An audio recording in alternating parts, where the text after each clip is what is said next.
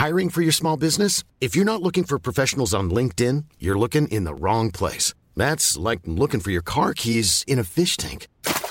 LinkedIn helps you hire professionals you can't find anywhere else, even those who aren't actively searching for a new job but might be open to the perfect role. In a given month, over 70% of LinkedIn users don't even visit other leading job sites. So start looking in the right place. With LinkedIn, you can hire professionals like a professional. Post your free job on linkedin.com slash people today. Halo pendengar kantong Manchester United, kembali lagi bersama kita berdua, ada Saung dan Alvin di sini. Dan seperti yang teman-teman tahu, di Twitter sekarang lagi gencar gitu ya, bahwa United akan segera dibeli oleh Qatar ya, Qatari. Yeah Mm-hmm. Dan ini yang cukup concern itu tentu saja rival-rival kita gitu ya karena si owner yang akan segera membeli MU ini kekayaannya hampir lebih dari 335 miliar pounds itu. Ini duit supaya apa gue nggak tahu sih. Cuman yang jelas Qatari gitu yang yeah. dipimpin oleh gue lupa namanya siapa uh, Emir dan Emir ini dia ternyata fans United yeah. dan dia juga akan berkomitmen untuk membangun Old Trafford gitu ya membangun uh, sebuah environment yang bagus gitu yang yang cocok untuk uh, klub sebesar United dan juga dia ingin deal ini segera komplit gitu karena dia ingin segera support Erik Ten Hag di bursa transfer musim panas ke depannya gitu. Nah, Vin, mm-hmm. mendengar hal tersebut apa yang lo ingin tanggapi, Vin? Sebenarnya tadi mungkin ini ya, tadi ketika lo bilang Emir gue gak tahu sih artinya emir tuh apa gitu. Kayaknya hmm. emir tuh lebih kayak pangeran kayaknya ya, pangeran. Atau mungkin kayak sheikh gitu ya. Betul, karena namanya itu kali ya. Betul, karena nama itu Sheikh Tamim bin Hamad Al Thani kalau nggak salah okay. ya namanya itu. Jadi memang si mungkin kita bilang Sheikh Tamim aja kali ya. Itu Ya. Memang dia tuh kan yang kita baca ya barusan itu dia mau beli di harga memang di bawah harga yang diinginkan oleh Glazer ya 6 billion kalau misalnya si Sheikh ini maunya itu 4,5 gitu. Gua nggak tahu sih apakah akan diterima oleh Glazer, tapi memang seharusnya memang ketika ada penjual gitu yang ngasih harga kan pasti kan nggak ngotak ya kadang-kadang ya gitu. Jadi memang udah seharusnya memberikan harga di bawah itu gitu untuk pada akhirnya ada sebuah negosiasi dan itu udah cukup tepat. Dan gua harap sih memang pada akhirnya dalam kurang dari sebulan udah ada agreement ya gitu karena memang hmm. Glazer sendiri kan pindah secepatnya untuk pada akhirnya kalau nggak salah dia mau tuh di bulan Maret itu udah kejual gitu. Jadi hmm. gua nggak tahu apa yang terjadi, kenapa tiba-tiba Glazer juga menjual gitu. Bahkan di minggu lalu juga kita dengar kabar bahwa Glazer ini sempat ingin nggak jadi nih ya karena ngeliat nih MU bagus nih kayaknya nih di bawah hmm, sampah emang. Iya kan, memang gue juga cukup shock gitu kayak anjing nih kalau misalnya nggak jadi dijual tai juga nih kabar-kabar kita mau dibeli sama Qatar, sama Arab, sama Uni Emirat Arab atau sama Sir Jim Ratcliffe kan gitu kan. Itu bisa jadi buyar semuanya gitu gara-gara MU naik gitu kan. Satu sisi kita juga hmm. bingung gitu dengan MU bagus ini malah jadi pisau bermata dua buat kita sendiri gitu. Dan menurut gua dengan pada akhirnya Glazer juga udah mengumumkan bahwa ini akan dijual. Menurut gue sih harusnya ya ini nggak akan berubah lagi gitu untuk statement bahwa emang mau dijual gitu. Ini bukanlah sebuah bluffing ataupun lepas tangan terhadap terhadap MU gitu. Cuma memang akan dijual, cuma ini siapa yang akan beli itu kan menjadi satu pertimbangan gitu. Apakah akan si Qatar atau misalnya Arab atau mungkin Amerika lagi gitu. Yang mana mungkin kita juga berharap semoga bukan Amerika gitu dan juga Sergin Radcliffe gitu yang katanya juga ingin membeli cuma gue nggak yakin ya apakah harganya juga dia bisa menyanggupi di angka 6 gitu. Gitu sih meskipun Radcliffe pun juga fans MU ya gitu. Jadi ya. jadi sejujurnya kalau gue lihat sih gue menyenangkan ya melihat ada fans MU MU, mau membiayai MU, mau membackup pelatih kita gitu. Cuma memang mungkin ya ini cuma ketakutan aja gitu. Karena memang uang yang gak ada batas ya gue cuma khawatir bahwa perusahaan Qatar ini ya ini tuh juga akan melakukan kesalahan sama dengan Manchester City gitu loh. Yang hmm. kita udah pernah bahas kan bagaimana City ini pemiliknya kaya banget tapi dia juga ingin menginjeksi keuangannya itu dengan cara yang mungkin agak-agak nakal gitu. Nah itu dia sih satu hal yang mungkin gue juga apa ya ada kekhawatiran kita ngetawain City sekarang, tapi nanti mungkin 5-10 tahun ke depan gelar kita dicabut semua men gitu. Gak lucu ya. Iya, iya, iya. Itu ya, sih. Ya, ya.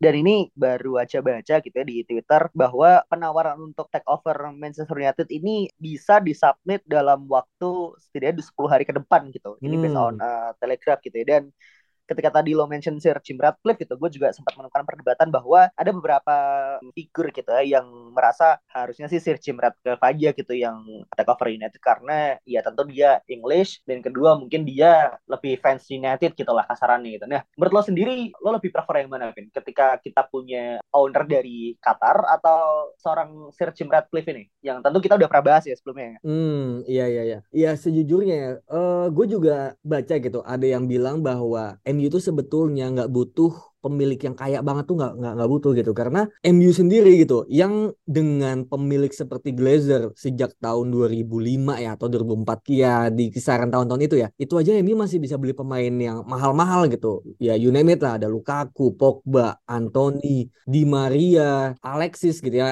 Alexis mungkin ini ya apa namanya tukeran gitu kan. Cuma banyak banget. Iya betul nama-nama pemain yang memang mahal-mahal banget hampir 100 juta. Kalau misalnya kita lihat di Liga Inggris top yang mahal-mahal gitu 10 besar termahal tuh kita ada 5 atau 6 pemain mungkin di situ semua ya, gitu. Ya. Termasuk Lukaku dua kali itu gue juga bingung gitu Lukaku masuk hmm. Kali gitu. Cuma itulah yang membuat gue percaya bahwa MU ini tanpa pemilik yang mahal pun gitu, pemilik yang kaya-kaya pun MU tuh sebetulnya bisa membiayai dirinya sendiri kasarnya gitu. Nah, itu dia. Mungkin satu sisi yang bikin kita semua takut apakah dengan kekayaan yang, yang melimpah seperti ini malah apa ya ya namanya manusia greedy ya gitu meskipun hmm. ya entah kita nggak tahu dia beragama atau enggak apa pun agamanya itu gitu memang pada akhirnya kita nggak tahu gitu sifat manusia namanya greedy ingin membiayai klub gitu kan dengan ambisinya seperti apa kemudian melakukan hal-hal yang sebetulnya nggak boleh ya kita bisa kena batunya gitu. Itu mungkin gue gue sangat senang gitu punya pemilik yang kaya cuma semoga dia bisa belajar dari City. Tapi kalau enggak ya mungkin opsi untuk untuk Sir Jim Ratcliffe juga itu pada akhirnya jadi besar gitu. Meskipun katanya ketika nantinya dia membuat konsorsium gitu dan kita nggak tahu siapa aja yang ada di balik itu gitu. Takutnya ternyata ada orang Amerika dan gue sejujurnya masih nggak tahu ya kalau konsorsium itu seperti apa cara bekerjanya dan bentuknya seperti apa gitu. Cuma memang yang namanya duit banyak sih memang ini ya sangat-sangat tempting sih menurut gue gitu jadi meskipun hmm. gue takut dengan uang yang mungkin money laundering gitu atau mungkin money washing gitu cuma hmm. kalau misalnya dia bisa belajar mungkin kayak Newcastle gitu nggak kayak Chelsea ya kayak Newcastle yang pelan-pelan lu hire director of football dulu kemudian pembeliannya juga nggak yang macem-macem pelatihnya juga masih Eddie Howe gitu menurut gua kalau misal dan kekayaan sebesar ini kemudian keuangan dan bisa memilih orang-orang yang tepat gitu kayak ya udah pemilik tuh nggak usah ikut campur banyak gitu lu hire orang-orang yang tepat aja menurut gue itu jauh lebih tempting karena selain dari pembelian pemain itu banyak hal yang bisa diurus gitu kita lihat City di luar pemain ya stadionnya kayak apa fasilitas latihannya kayak apa akademinya kayak apa gitu. Jadi menurut gue dibanding kita cuma mikirin transfer yang kemungkinan bermasalah, kita bisa mikirin jauh lebih daripada itu gitu. Kita mungkin bisa punya klub MU di benua Amerika, feeder klub gitu kan, yang mana bisa masuk pemain-pemain muda gitu. Kemudian Old Trafford bisa seperti apa nantinya, yang bocor-bocor juga bisa dibenerin gitu dengan sekejap. Yeah. Latihan Carrington yang mungkin fasilitas latihan dibilang Ronaldo sama Lingard udah kemakan usia gitu. Kita bisa perbaiki itu semua men dalam sekejap gitu. Jadi menurut gue, ya gue tetap Qatar sih.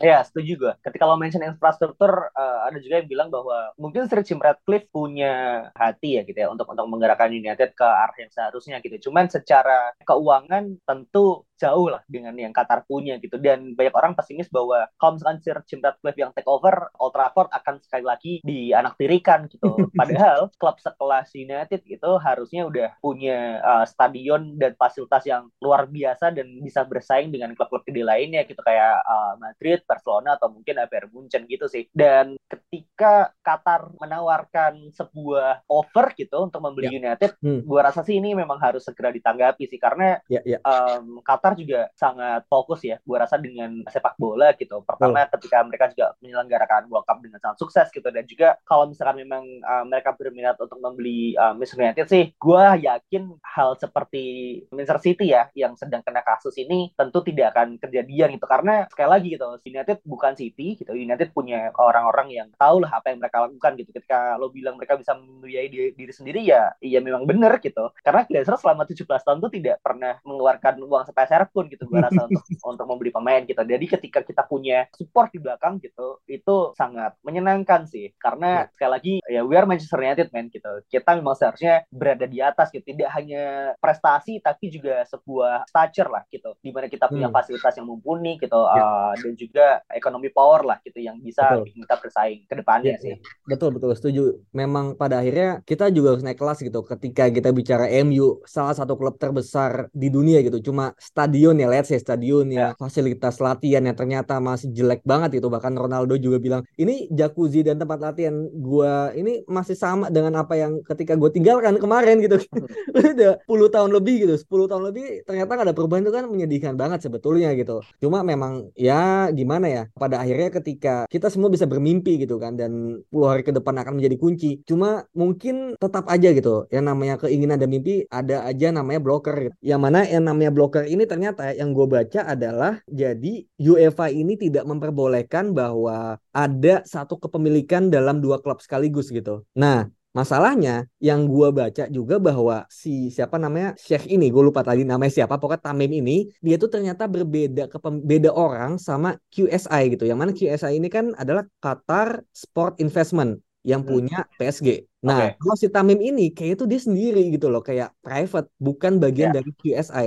Nah, inilah yang mungkin masih menjadi perdebatan apakah meskipun satu negara apakah masih boleh gitu pegang dua klub Eropa yang berbeda yang mana MU sama PSG kan sangat mungkin bertemu kan. Mungkin uh -huh. yang ditakutkan adalah konflik of interest kan ketika MU PSG ketemu, ini jadi main mata nih karena pemiliknya sama aja kan. Kan gitu kan. Gitu. Ya gue juga paham gitu dan gue yakin semua fans juga paham sama hal itu gitu. Cuma ketika yang kita tahu bahwa siapa Tamim ini juga ternyata adalah private dan QSI adalah orang atau perusahaan yang berbeda dengan Tamim ya menurut gue sih harusnya nggak ada masalah ya gitu. Gue gue gue masih nggak nggak ngerti gitu. Emangnya nggak boleh kalau misalnya satu negara yang punya tapi ternyata beda orang kan harusnya nggak masalah ya gitu. Jadi ini juga masih jadi pembahasan yang cukup sengit ya di Twitter apakah boleh atau tidak. Dan katanya juga Qatar ini masih harus membujuk UEFA untuk bisa memperbolehkan kepemilikan ini untuk terjadi gitu. Jadi ya ini sebenarnya menyenangkan tapi cukup terdekan sih menurut gue seharusnya sih nggak masalah ya kalau misalkan uh, kepemilikan sebuah klub tuh ada di satu negara cuman emang uh, ya pemilikan berbeda gitu. Karena ya United uh, Arsenal dan Liverpool sekarang kan yang punya orang Amerika semua pak gitu. Termasuk Chelsea gitu kan Amerika Group semua gitu. Cuman ya pemiliknya berbeda gitu. Dan kalau misalkan uh, Qatar perlu meyakinkan UEFA atau FIFA sih gue rasa nggak perlu juga gitu. Karena ya mereka bisa ngebit Qatar uh, Qatar sebagai host World Cup sih itu udah lebih dari cukup ya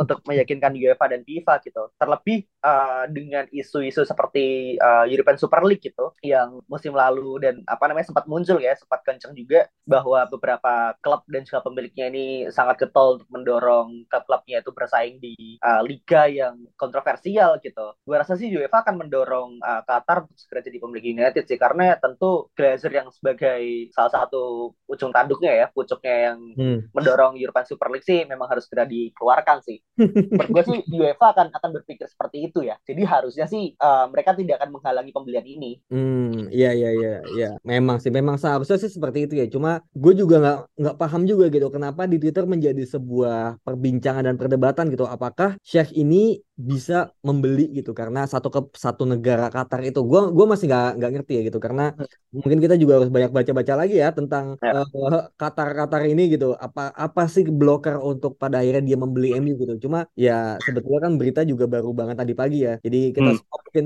kaget-kaget gitu. Jadi ya menarik sih ini. Kalau misalnya beneran kejadian kayak ya ini mungkin bener-bener mimpi basah yang kita impikan dari mungkin 10 tahun yang lalu iya iya. Dan untuk mengakhiri perbahasan ini gitu ya bahasan ini gue sempat baca juga di Twitter kalau United ini udah puasa gelar ya kayak Arsenal gitu udah peringkat lima juga kayak Tottenham gitu dan juga udah belajar cor-coran juga di musim-musim hmm. lalu kayak Chelsea terus udah sering ngomongin masa lalu juga kayak Liverpool gitu yang kurang kan cuma punya owner Arab kan kayak iya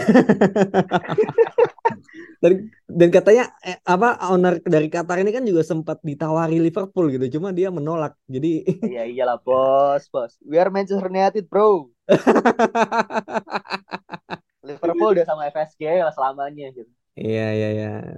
Paling itu sih yang jelas kita tetap tunggu ya uh, update seperti apa dalam 10 hari ke depan gitu seperti yang diberitakan oleh Telegraph dan hopefully siapa pun pemilik United uh, ke depannya dia harus bisa mengedepankan United dan juga fansnya sih dalam Betul. segala pengambilan keputusan. Paling itu aja sih yang bisa kita bahas sekarang. See you in the next episode. Bye bye.